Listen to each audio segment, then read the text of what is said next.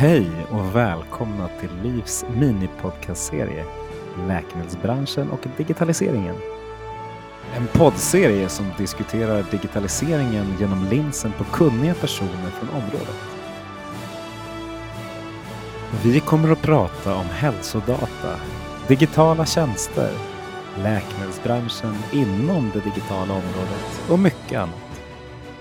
Jag heter Magnus Lejelöw och arbetar för LIF med bland annat digitalisering. Och dagen till ära har jag två kunniga och dessutom trevliga personer från läkemedelsindustrin med mig.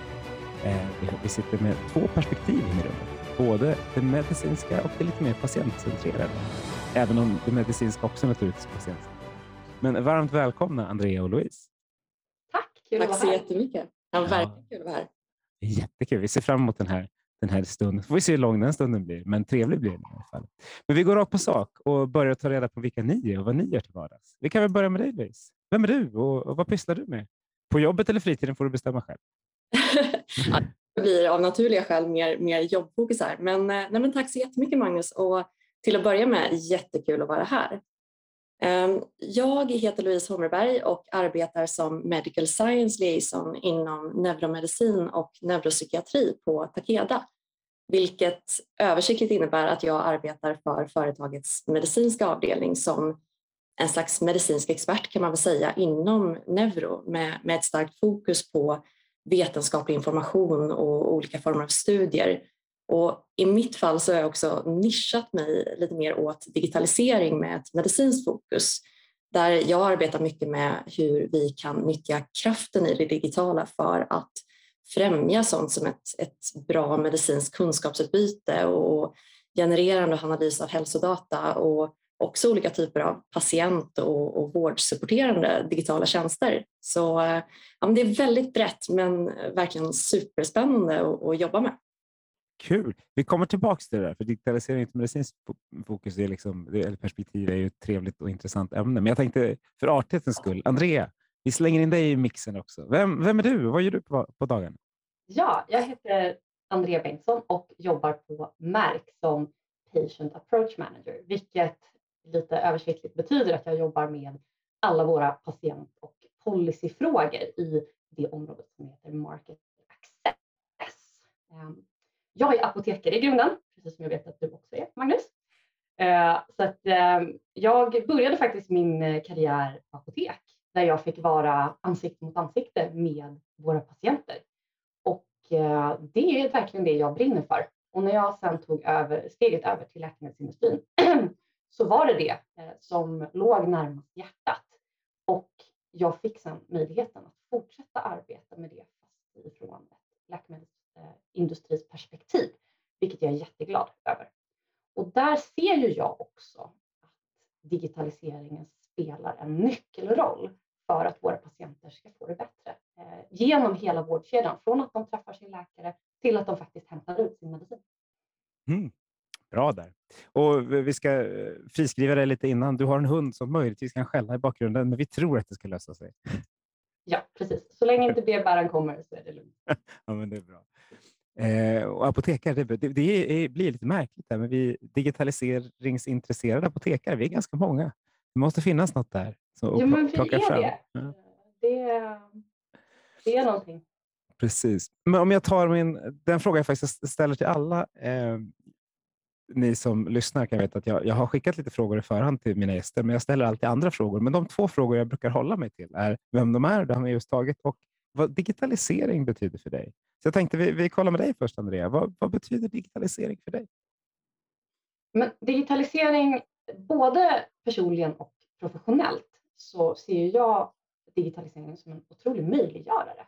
Det är en möjliggörare att tillgodose sig information, nya tjänster, att effektivisera vardagen. Ehm, men ur ett professionellt perspektiv så ser jag också att det möjliggör oss få bättre vård snabbare. Man skulle på sikt och även idag kunna eh, frigöra resurser från vården genom att läkarna inte alltid behöver vara på plats. Det ser vi med de eh, Kry och doktor.se till exempel som kommer nu. Eh, ur ett farmaceutiskt perspektiv så har vi aktörer som Apotea där man faktiskt kan beställa läkemedel, eh, eller läkemedel hem. Eh, jag ser även att vi skulle kunna upptäcka och bota sjukdomar tidigare, till exempel genom att vi får använda hälsodata i större eh, utsträckning än vad vi gör idag. Och även ur ett hållbarhetsperspektiv. För det är ju så att idag måste vi tänka på jordens resurser och hur vi arbetar. Och ser vi då till exempel, jag har tjuvlyssnat lite på tidigare poddar som ni har gjort och eh, då ni pratade om det här med till exempel digitala bipacksedlar. Eh, det jättebra exempel på där digitaliseringen kan spela en otroligt stor roll. Dels för att få ut läkemedel fortare, men även då spara på de resurser vi har. Så att, eh, digitaliseringen är jätteviktig. Ja, men det är sant. Och just digitala bipacksedlar är ett absurt sätt på saker vi inte har gjort idag på grund av regelverk. Det är liksom helt vilt.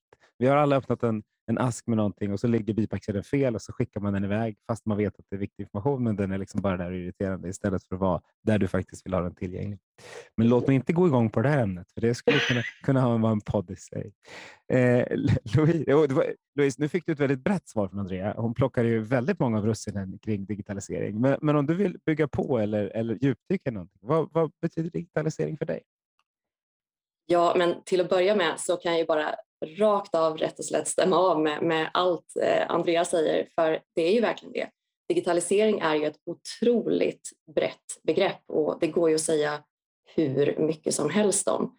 Men precis som Andrea också sa så för mig är digitalisering både en förenklande och, och också en möjliggörande drivkraft som just bidrar till tillgängliggörande av information på en extremt bred skala som samtidigt också blir så mycket mer översiktlig och, och sammanställd och, och lättillgänglig.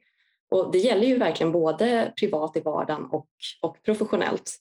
Och ser man till hälso och sjukvårdsperspektivet och det medicinska perspektivet av det så både vad gäller sånt som att stärka en individanpassad och nära vård och som du också säger Andrea, hitta patienterna tidigare. Och sen också sånt som att generera nya typer av hälsodata och, analysera dem och tillgängliggöra det som en stark bas för behandlingsbeslut i vården så, så tror jag att det digitala kommer vara en, en förutsättning för att verkligen föra svensk hälso och sjukvård in i framtiden. Så ja, men det är ju verkligen ett superbrett begrepp och det går ju att säga hur mycket som helst om. Men ska jag säga några få ord om det så är det just det här med förenklande och, och möjliggörande som jag tycker sticker ut. Det är bra. Det är kul att det finns många ord också. Det blir roligare poddar om det är många ord än få. Eh, du Louise, vi, vi, tar tag i det, i det, du började prata om. Du pratade om digitalisering ur ett medicinskt perspektiv och, och liksom hur man kan jobba med för, för er som, som lyssnar som inte har jobbat på läkemedelsföretag så är liksom en av de viktigaste och mest drivande avdelningarna den medicinska avdelningen som liksom håller tyngd, den vetenskapliga tyngden eh, kring både hur vi, liksom, hur vi godkänner läkemedel men hur vi också använder och hur vi sprider kunskap kring det. Men om, man då, om du då säger att men jag jobbar med den digitala sidan av den medicinska, kan du inte förklara hur gör du då? Ge något snyggt exempel på, på vad du kan göra. Det blir en väldigt lång fråga, men jag tror, tror du kommer kunna ta den på vanligt. Ja, nej men absolut. Och det här är ju verkligen en, en superspännande fråga och, och någonting som ligger mig väldigt, väldigt varmt om hjärtat såklart i och med att jag jobbar så väldigt mycket med det. Men just det här hur vi, hur vi använder olika digitala tjänster för, för att stärka det medicinska perspektivet och stärka vården.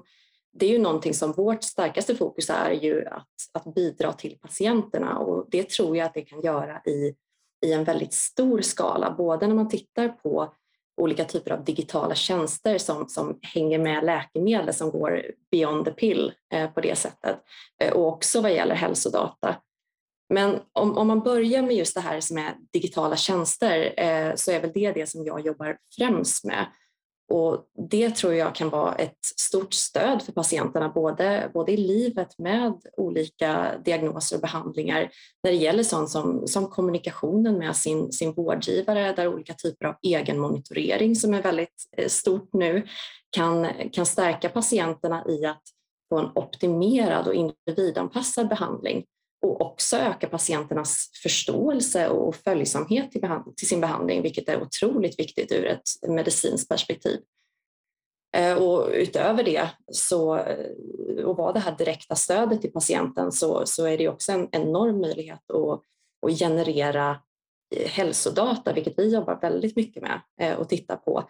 Och också en, det som är mest intressant är också den här starka möjligheten att få en, den här gedigna bredden på hälsodatan och verklighetsförankringen på den som är superintressant ur ett medicinskt perspektiv och, och se hur de här läkemedlen faktiskt funkar ute i praktiken, ute i riktiga världen hos patienterna. För det är ofta någonting som vi vet ganska lite om.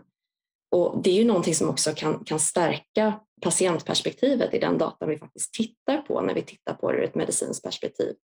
Eh, och det är någonting som jag tror kan vara jättevärdefullt som komplement till de klassiska kliniska parametrarna som man kanske tittar på. Så det som jag fokuserar väldigt mycket på är just det, det holistiska perspektivet kring det medicinska i, i det digitala med hur kan vi göra det så att det både stöttar patienterna i sin behandling och också brett ökar vår förståelse för hur våra läkemedel faktiskt funkar. Bra svar. Kul också att höra holistiskt inom det medicinska digitala. Där har du ett väldigt brett begrepp. Eh, men du, Louise, då, då ställer jag en följdfråga till på det. För, du nämnde just att här, patientrapporterade data vill man få in i systemet. Min känsla när jag tittar på hur, hur systemet är ute är att vi, vi, patientrapporterad data rapporterar väldigt mycket i silos. Men patienter tenderar till att, bli, till att ha, vara med i flera av de här silosarna.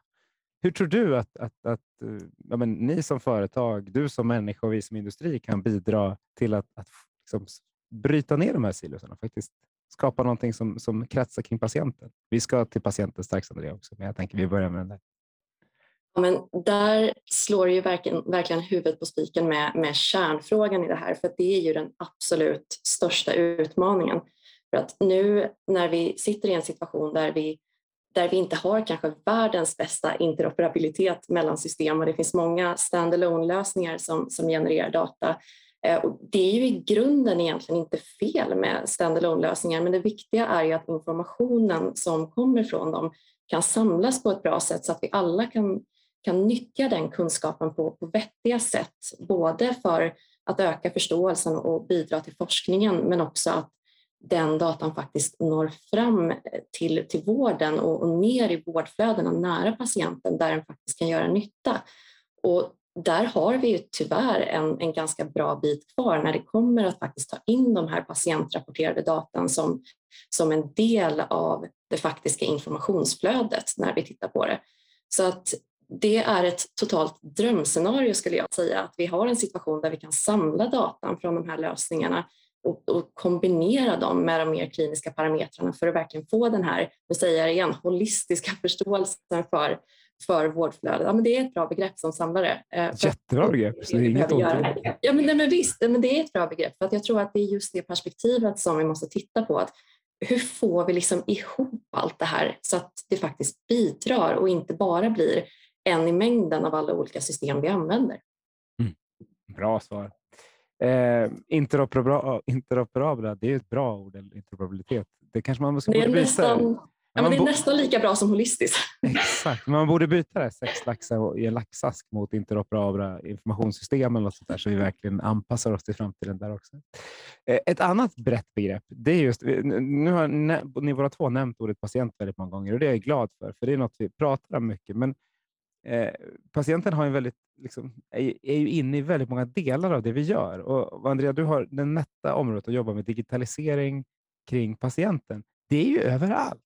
Hur, hur styckar man en elefant och hur, hur gör man det på ett så bra sätt som möjligt i en tjänst som, som den du har?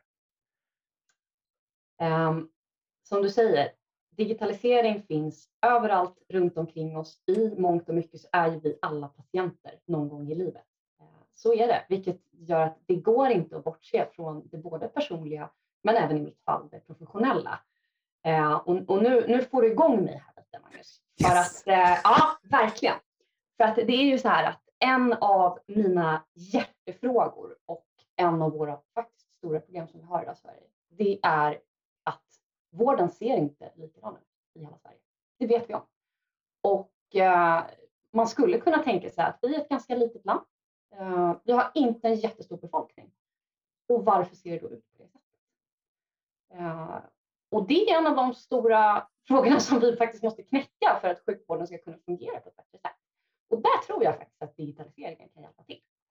Eh, oavsett om du bor uppe i Luleå eller om du bor nere i Skåne så ska du kunna få samma typ av vård och du ska kunna upptäcka de sjukdomar, de folksjukdomar vi har, cancer, högt blodtryck, ja, eh, diabetes.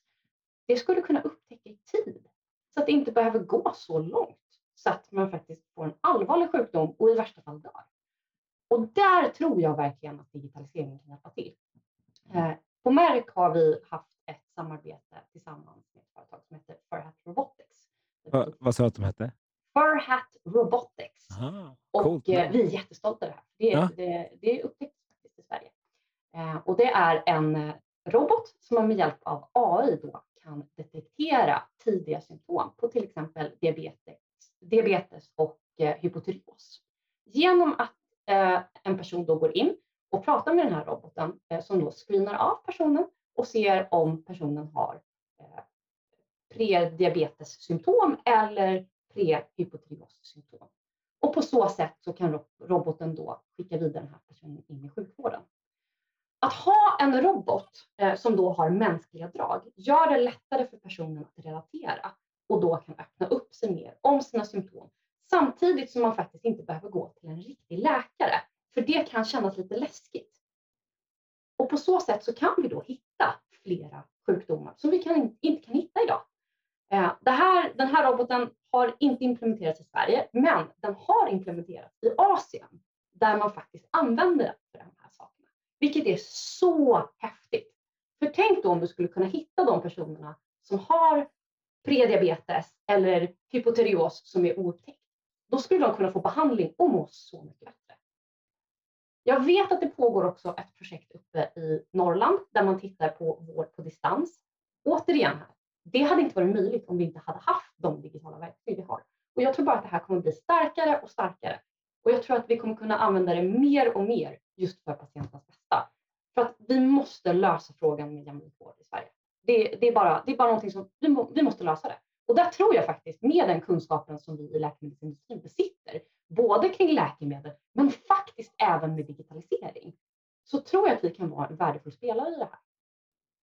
Eh, du Andrea, det är ju jättespännande det här med, med att du, ni, ni, samarbetar med mindre aktörer eller andra typer av aktörer utanför branschen och, och skapar något värde som i, den här, i det här fallet faktiskt inte var i Sverige utan, utan utomlands. Hur, hur tänker ni på när ni samarbetar med, med andra aktörer idag och i framtiden?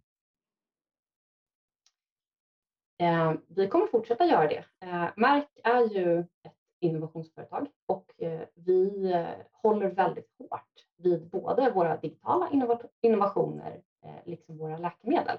Så att, eh, vi ser definitivt att vi kommer fortsätta arbeta med andra aktörer inom digitalisering och allting som kan hjälpa hälso och sjukvården framåt. Mm. Ett innovationsföretag. Jag skulle tro att ni också Louise är ett, innovation, ett holistiskt patientcentrerat innovationsföretag. Hur, Förlåt. Jag älskar den här branschen för det är så mycket buzzwords. Hur, eh, Louise, hur samarbetar ni med, med andra aktörer? Antingen läkemedelsföretag eller, eller andra företag som också jobbar runt om patienter på ett annat sätt. Ja, men absolut. Vi ska se hur många gånger jag kan klämma in ordet i det här svaret. Jag ska göra mitt allra bästa. Uh, nej, men, men så är det ju verkligen. Alltså det här samarbetet mellan aktörer, branschöverskridande, är ju superviktigt. För att vi är ju som bransch otroligt vassa på just det här med läkemedel och forskning men där är det ju jätteviktigt att vi inte försöker göra allt utan att vi faktiskt samarbetar med andra branscher och också med vården och, akademin för att vi alla ska kunna utnyttja våra gemensamma spetskompetenser, eller rätt sagt våra separata spetskompetenser och expertiser för att verkligen ge det här holistiska perspektivet på, på innovationen. Och det tror jag att vi som, som industri kan vara en fantastisk draghjälp för, för att just få in de här företagen i, i vården på, på ett annat sätt. Och där har vi många exempel på hur vi arbetar, eh, både med olika former av AI-företag och AI-algoritmer. Mina kollegor som jobbar inom, inom gastro driver ett superspännande projekt nu med en prediktiv algoritm för att förutspå och förebygga skov inom inflammatorisk tarmsjukdom. Där man gör det i samarbete med både akademin och ett AI-företag och också med eh, våra hälsodata och kvalitetsregister för att bygga de här prediktiva modellerna. Och där kan man ju verkligen, apropå det du sa innan Andrea, att koppla det här till verkligen den personcentrerade eh, vården och verkligen få till den här preventiva och proaktiva aspekten på vården som man verkligen vill åt som kommer vara superviktigt ur ett brett folkhälsoperspektiv på sikt. Eh, då kan ju det här göra jättemycket. Så att det är ju så, vi, vi, alla, och jag tror att i framtiden vi kommer alla bli ännu mer nischade på det vi gör, så samverkan kommer ju vara allt mer viktigt framöver i takt med att teknologin blir mer och mer avancerad. Eh, så det måste vi verkligen, alltså samverkan är ett måste framöver för att verkligen hålla oss i innovativ framkant skulle jag säga. Ja, det är skönt att höra. I år myntade Daniel Forslund begreppet samverkan på riktigt efter pandemin när vi faktiskt inte bara snackar om det utan vi gör det. Och Det tror jag att det är faktiskt är nyckeln, att vi, att vi vågar göra det, vågar blotta våra svagheter men, och äh, vara transparenta med vad vi ska göra eh, stickspår. Eh, eh, det du säger också är att vi, vi kan vara prediktiva, vilket är jättebra. Men liksom, vi, vi, kan titta, en, an, en annan trend som är lite kopplad till det är att vi kopplar ihop läkemedel med digitala tjänster så vi kan följa upp effekten och vi kan liksom, eh, få mer hjälp, få mer effekt av läkemedel generellt. Hur, hur är din syn på det, Louise? Eh, hur är det här bra för framtidens patienter och hur jobbar, hur jobbar ni som aktör med det? Jag, jag tror, jag var ju inne på det spåret lite innan och, och jag tror verkligen att det kan vara väldigt viktigt och, och, bra för patienterna på sikt eh, just för att stärka den här personcentrerade biten av vården som vi ser och också som Andrea var inne på att möjliggöra den här vården nära patienten, nära hemmet eh, för att verkligen bidra med den, med den bredden. Eh, det jag vill slå ett slag för där också som är otroligt viktigt när man gör sånt här det är ju verkligen just hur viktigt det är med den här samverkan. Att när vi utvecklar sådana här lösningar, att vi gör det i samråd med vården och i samråd med patienterna för att verkligen se till att de digitala lösningarna vi, vi skapar också tillför värde. För annars kommer vi kunna skapa hur tekniskt avancerade och flashiga lösningar som helst, men om de inte tillför värde till patienterna och värde till vården så så kommer de helt enkelt inte att användas. Och det vore ju otroligt synd. Men om vi gör det istället, om vi verkligen samverkar kring det och verkligen pratar med patienterna och pratar med vården när vi gör det, då har ju vi möjligheten att våra gemensamma resurser och gemensamma muskler verkligen kan ta de här lösningarna som vi skapar beyond the pill och verkligen bidra till en, en mer sammanhållen vårdresa för de här patienterna. Så lite beroende på hur man gör det, man kan ju gå in i många olika vinklar av, av eh, vårdresan för patienterna med de här digitala tjänsterna. Men jag tror att det kan vara en fantastisk möjlighet för att stärka patienterna. Och sen i sammanhanget med det, så nu nördar jag ner mig på det som är mitt favoritområde här, så precis som Andrea gick igång innan så, så går väl jag totalt igång nu. Men men utöver då det här direkta stödet som det är för patienterna så är ju också den här möjligheten med hälsodatan och den här bredden vi pratade om med patientrapporterade data. Och att det också kan ta hela förståelsen för hela vårdflödet till en helt ny nivå för de här prediktiva modellerna och för behandlingsbeslut inom vården som är superspännande. Och där tror jag att vi på sikt kommer se ett mycket starkare datadrivet beslutsstöd i vården eh, som kommer hjälpa jättemycket för patienter på, på bred front och också för våra läkare och sköterskor. Bra. Du klämde också in Beyond the Pill, vilket ju är eh, branschlingo för att vi kan göra andra saker utan, förutom bara läkemedel. Jag sitter på många buzzword, Magnus. Jag kan bara keep them coming. Ja, men det, ja, men det är bra. Jag har också busat i den här branschen ett tag. Man lär sig dem, men det är, det är roligt att se att för oss är det helt naturligt att prata om Beyond the Pill. Fast man, när, nu liksom, när våra lyssnare kanske inte vet om det, så tänkte jag att då kan jag, då kan jag utveckla det också. Andrea, vad tror du om, om digitala tjänster kopplade till läkemedel i framtiden? Eller idag. Jag, jag kan bara hålla med Louise. Eh, samverkan är nyckeln här. Eh, mm. vi som läkemedelsindustri kommer inte kunna göra någonting själva. Jag tror faktiskt inte heller att vården kommer kunna göra någonting själva. Och våra beslutsfattare kan definitivt inte göra någonting själva, för de har inte den kunskapen om hur det ser ut i vården. Så att här måste vi sitta allihopa tillsammans, tillsammans med patienterna. För det är patienterna som ska ta emot den här vården. Så det här är ju ett stort och resurskrävande arbete, men får vi till det så kommer det bli så bra mm. för alla. Mm. Kan vi få ett system som interagerar där vi alla har varit med och utvecklat utifrån allas kompetens och eh, den kunskap vi besitter så, så tror jag verkligen att eh, digitala tjänster kommer kunna utvecklas till något som vi inte kan tänka oss idag. Eh, och där så, som gammal apotekare så måste jag ändå säga att... Definiera gammal. Förlåt. Som gammal apotekare som har stått på apotek, eh, för att förtydliga då, eh, så tror jag faktiskt att vi måste hitta en plattform. Och jag vet att vi i läkemedelsindustrin, som Louise sa, vi eh, kommer med massa bra lösningar. Och sen så kommer vården med sina lösningar. Och sen så har vi då den fantastiska urmoden FASS. Eh, och jag tror faktiskt att FASS kan vara, Magnus sitter och jublar, och jag jublar också när jag fick eh, höra lite om vad, FASS, vad ni har för planer med FASS. För jag tror verkligen att vi måste hitta någonting som alla känner igen. Det är otroligt svårt att implementera nya saker på en bred eh, skala. Att få befolkningen att förstå var man ska vända sig någonstans. Och där tror jag att vi måste använda det vi redan har. Istället för att komma på nya lösningar så tror jag vi måste titta på vad är det som fungerar idag och hur kan vi utveckla det? Kan vi till exempel ta 1177, FASS, de här stora gedigna plattformarna som vi har och utveckla dem så att vi ska kunna göra fler saker, få mer information och koppla på tjänsterna på det. Där tror jag att vi har en väg framåt. Jag tror inte att lösningen är att hitta någonting nytt, utan jag tror att vi verkligen måste använda det vi har. Och där har vi också möjlighet genom LIF, eh, genom vården, att kunna prata på en gemensam arena. Och det är där vi måste vara för att kunna gå framåt. Absolut. Och skulle jag sätta ett avsnittsnamn på det, här, på det här avsnittet så kommer det handla om den digitala urmoden FASS. Det, det är ett väldigt, väldigt, väldigt bra namn. vi, eh, vi tar lite mer om patienter och då tänkte jag fråga dig Louise, eh, hur tror du att patienterna i Sverige 2030 kommer att behandlas till skillnad från idag? Alltså, vad, vad, är det som kommer att vara annorlunda? Ni har ju pratat lite om det, men jag tänkte om, man, om jag nu dyker in i vården om, vi kan säga 32, så blir det 10 år framåt i tiden. Hur kommer jag, vilka skillnader kommer jag märka som patient? Ja, alltså är det någonting som man verkligen har lärt sig nu under de senaste två åren så är det ju att det är extremt svårt att, att sia om framtiden och också hur extremt mycket som kan hända på ändå förhållandevis kort tid.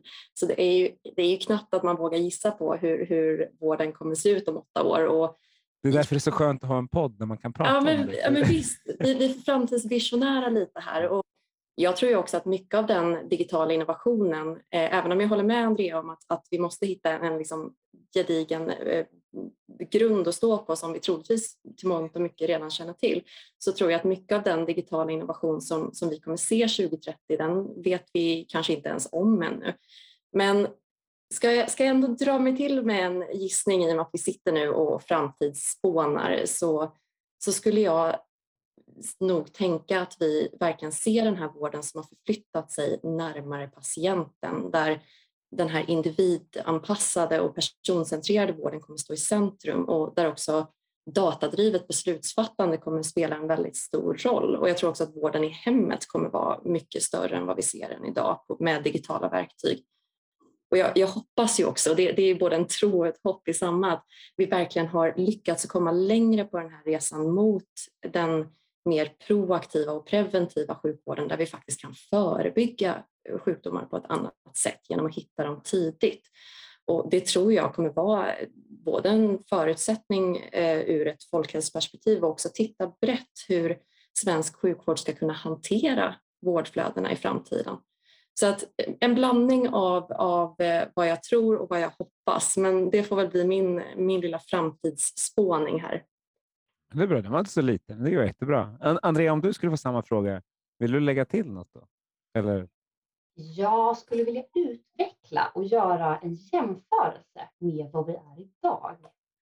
Och um, vi kan ta en fiktiv patient, um, Maria.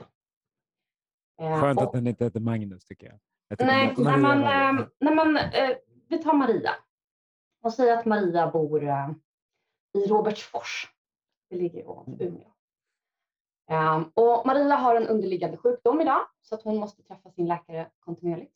Och eh, sen blir Maria gravid. Så då måste hon skrivas in eh, på mödravården i Robertsfors där de eh, tar lite prover på henne för journal. Inser att men Maria är en högriskpatient eh, så att hon behöver besöka specialistmödravården nere i Umeå. Så Maria får snabbt eh, ta sitt pick och back och åka ner en timme till Umeå, träffa specialistmödravården. Ehm, där de inte har någon aning om vad som har hänt Maria innan. För de måste föra nya journaler som det ser ut idag. Maria får ta om alla sina tester. Och sen skickas hon tillbaka till Robertsfors för sina gamla rutinkontroller som hon ska göra på mödravården. Samtidigt måste då Maria träffa sin andra läkare för den här underliggande sjukdomen som hon har. Och han har ingen aning om vad hon har varit med på de andra vårdinstanserna. Rent praktiskt måste nu Maria, om man inte är lite digital så att man då kan bara kanske flippa fram sina journaler. Men rent praktiskt så måste då Maria skriva ut sina journaler, ta med dem mellan sina läkare och visa upp vad som har gjorts. Vilket är förskräckligt. Alltså det, det får inte gå till på det här sättet. Maria måste alltså vara projektledare för sin egen vård när hon har en underliggande sjukdom och borde ligga hemma för att hon har en högriskgraviditet. Tänk dig då istället att vi hade haft pdf Nej, nej. Förlåt. Tänk dig då istället att vi, det här som vi har pratat om nu, att vi har ett system. Eh, vi i Sverige, vi, vi, vi har otroligt tur, för vi har en infrastruktur som faktiskt är jättebra. Vi har personnummer, vi har bank-id och vi har möjligheten till viss del att kunna dela data, men inte tillräckligt. Så tänk nu istället att det fanns ett system där olika vårdinstanser kan interagera med varandra och där Maria är ansvarig för sin egen data. Maria kan dessutom föra in sin egen hälsodata i det här systemet, vilket gör att då hon inte behöver åka in till sjukhuset för att ta sitt eget blodtryck, utan hon kan föra in det själv i sina journaler. När Maria går mellan sina olika vårdgivare så kan hon eh, med till exempel BankID berätta, den här datan vill jag att du ska ha tillgång till. Det här är mina andra läkare. Det sparar både resurser för vården, det sparar Maria olika besök och hon kan då fokusera på vad som är viktigt, nämligen hennes sjukdom och att hon faktiskt ska få ett barn, vilket är helt fantastiskt. När hon sen ska hämta ut sina recept så kan hon gå in på samma system, förslagsvis förhoppningsvis, och då få sitt recept dit och även då kunna beställa hem det så att hon slipper åka till apoteket som kanske inte ens har sitt läkemedel hemma. För let's face it, uppe i Norrland så kan det vara problem med att få in leveranser så att man inte får de läkemedel som finns. Så allt det här ser jag nu att de patienterna, framför allt som behöver det mest och som är mest utsatta, skulle kunna göra från hemmet och att man kan slippa de här onödiga resorna till vården. Nu har vi också sett i pandemin, vilket pandemin har ju drivit oss framåt med en kraft som vi inte har sett innan.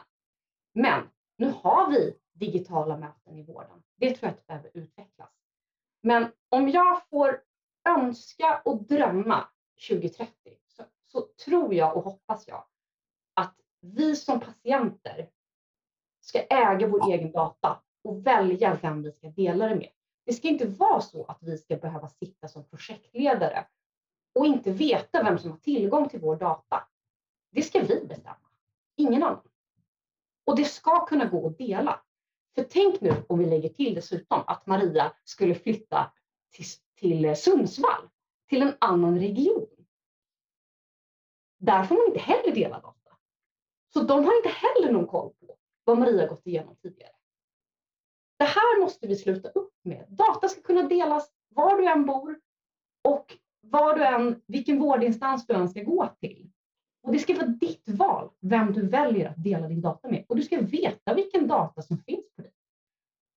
Helst ska du då också kunna lägga in din egen data i det här. För att få ett holistiskt perspektiv. Snyggt, du fick in holistiskt. Det är bra och engagerat på många sätt. Det är också roligt att du väljer Sundsvall. Och inget ont om Sundsvall eller lilla Murmansk som du brukar kalla det från sidan. Eh, men det hade lika gärna kunnat vara det finska cancersjukhuset i, eh, utanför Helsingfors. Ja. många svenska patienter åker. Det kan vara Polen där man tar hand tänderna. Det, kan vara, det finns massor. Vi börjar liksom bryta ner gränser, men vi är ändå inne i de regionala gränserna i Sverige. Så Det var ett väldigt bra det exempel. Magnus, bara det faktum att det ska finnas gränser inom Sverige, är inte det lite förlegat? Jag tänker inte ta säga, jo det gör det. Det är det. Det är jätteförlegat. Nej, men så här, det är klart det kan finnas gränser och styrningsgränser, men just för, vad det gäller data så, så data vill vara fritt. Data vill förflöda och då är det klart vi måste ha bra förutsättningar, och bra ramverk och bra regler och inte göra något fel på, på något sätt. Men om vi kan hantera pengarna på det sätt vi, vi hanterar idag ska vi nog kunna hantera något som är lite ännu viktigare i form av vår hälsa. Det kan jag också tycka. Framförallt om datan tillhör dig. Ja, exakt. Absolut. Ja, även om, eller om jag ber att någon annan tar hand om min data och gör det bra. Lite som vi gör med våra pengar. Eh, bra. Louise, vill, vill du addera något där? Till, till Andreas eh, gå igång på, på Maria i Robertsfors och hennes framtid. Jag tycker att det var en fantastisk illustration för att illustrera det reella problemet vi faktiskt har och det är just när vi målar upp det på det här sättet som det verkligen blir så otroligt tydligt var vi är i den här resan. Vad vi är vad gäller interoperabilitet i både det stora och det lilla. Och det är ju verkligen en central fråga här och det här är ju enormt kluriga nötter som inte borde vara så jättekluriga men som är det. Eh, och, och- och det här, återigen, jag landar tillbaka i den här eh, samverkan eh, och, och vad vi landar i det. Och det handlar ju verkligen inte bara om att vi ska samverka inom vår bransch och, och medtech ska samverka sinsemellan och så vidare, utan här måste vi samverka på bred front där det kopplar med läkemedelsindustrin och hälso och sjukvården och techföretag och också politiken som vi verkligen får fram här, både på regional nivå och, och nationell nivå. För det handlar ju till syvende och sist inte om vem som bestämmer över sakerna, utan det handlar ju om vad är det faktiskt vi vill uppnå? Vi vill ju uppnå den här vården som kan vara individnära, som kan vara preventiv och proaktiv och som faktiskt kan göra skillnad. Så att allt det här andra med, med, med gränser och olika system, det, vi måste ju på något sätt hålla fokus på vad är det som ska vara slutmålet och hitta interoperabiliteten utifrån det. Det är ju det som räknas. Mm. Bra. Vad härligt att se två så engagerade personer som verkligen brinner för både, både liksom sin sakfråga men också helheten. Det är jätteroligt att höra.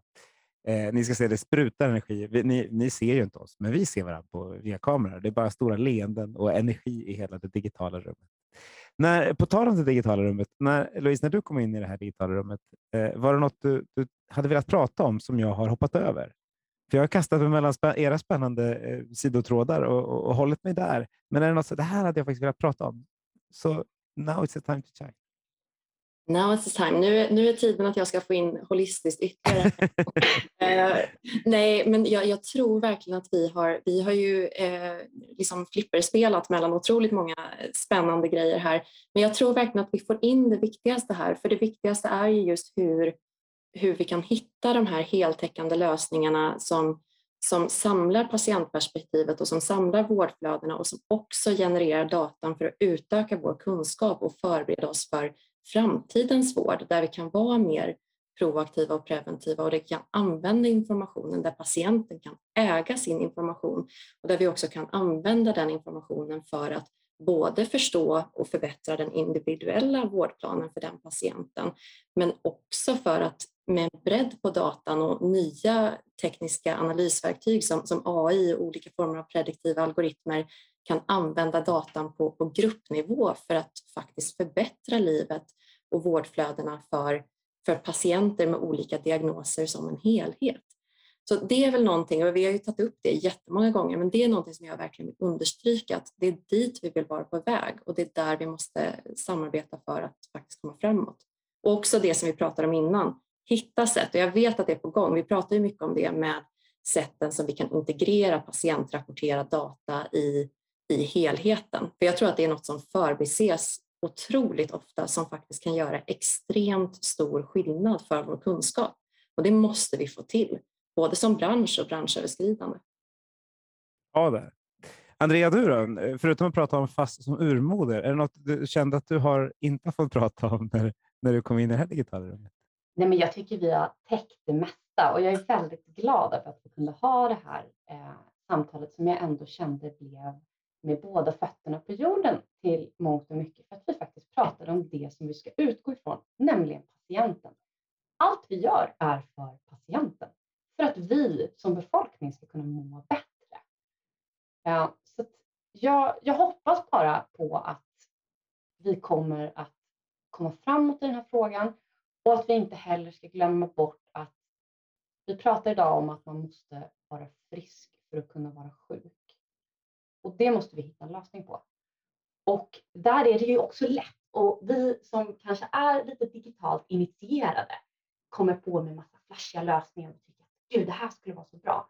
Men vi får inte heller glömma att det finns väldigt många där ute som inte har samma digitala mognad. Generellt i Sverige har vi väldigt hög digital mognad. Så om vi pratar om Sverige ur ett globalt perspektiv så har ju vi fantastiska möjligheter att utveckla mycket här som faktiskt kan användas på global nivå. Just på grund av att men, vi är ett litet land, vi har personnummer etc. Men vi får inte glömma då de här personerna som kanske inte riktigt hänger med, som är sjuka, som är gamla. De måste också tas om hand och tänkas på när vi utvecklar de här systemen. Så det är därför jag återkommer till FAST som urmoder. Faktiskt.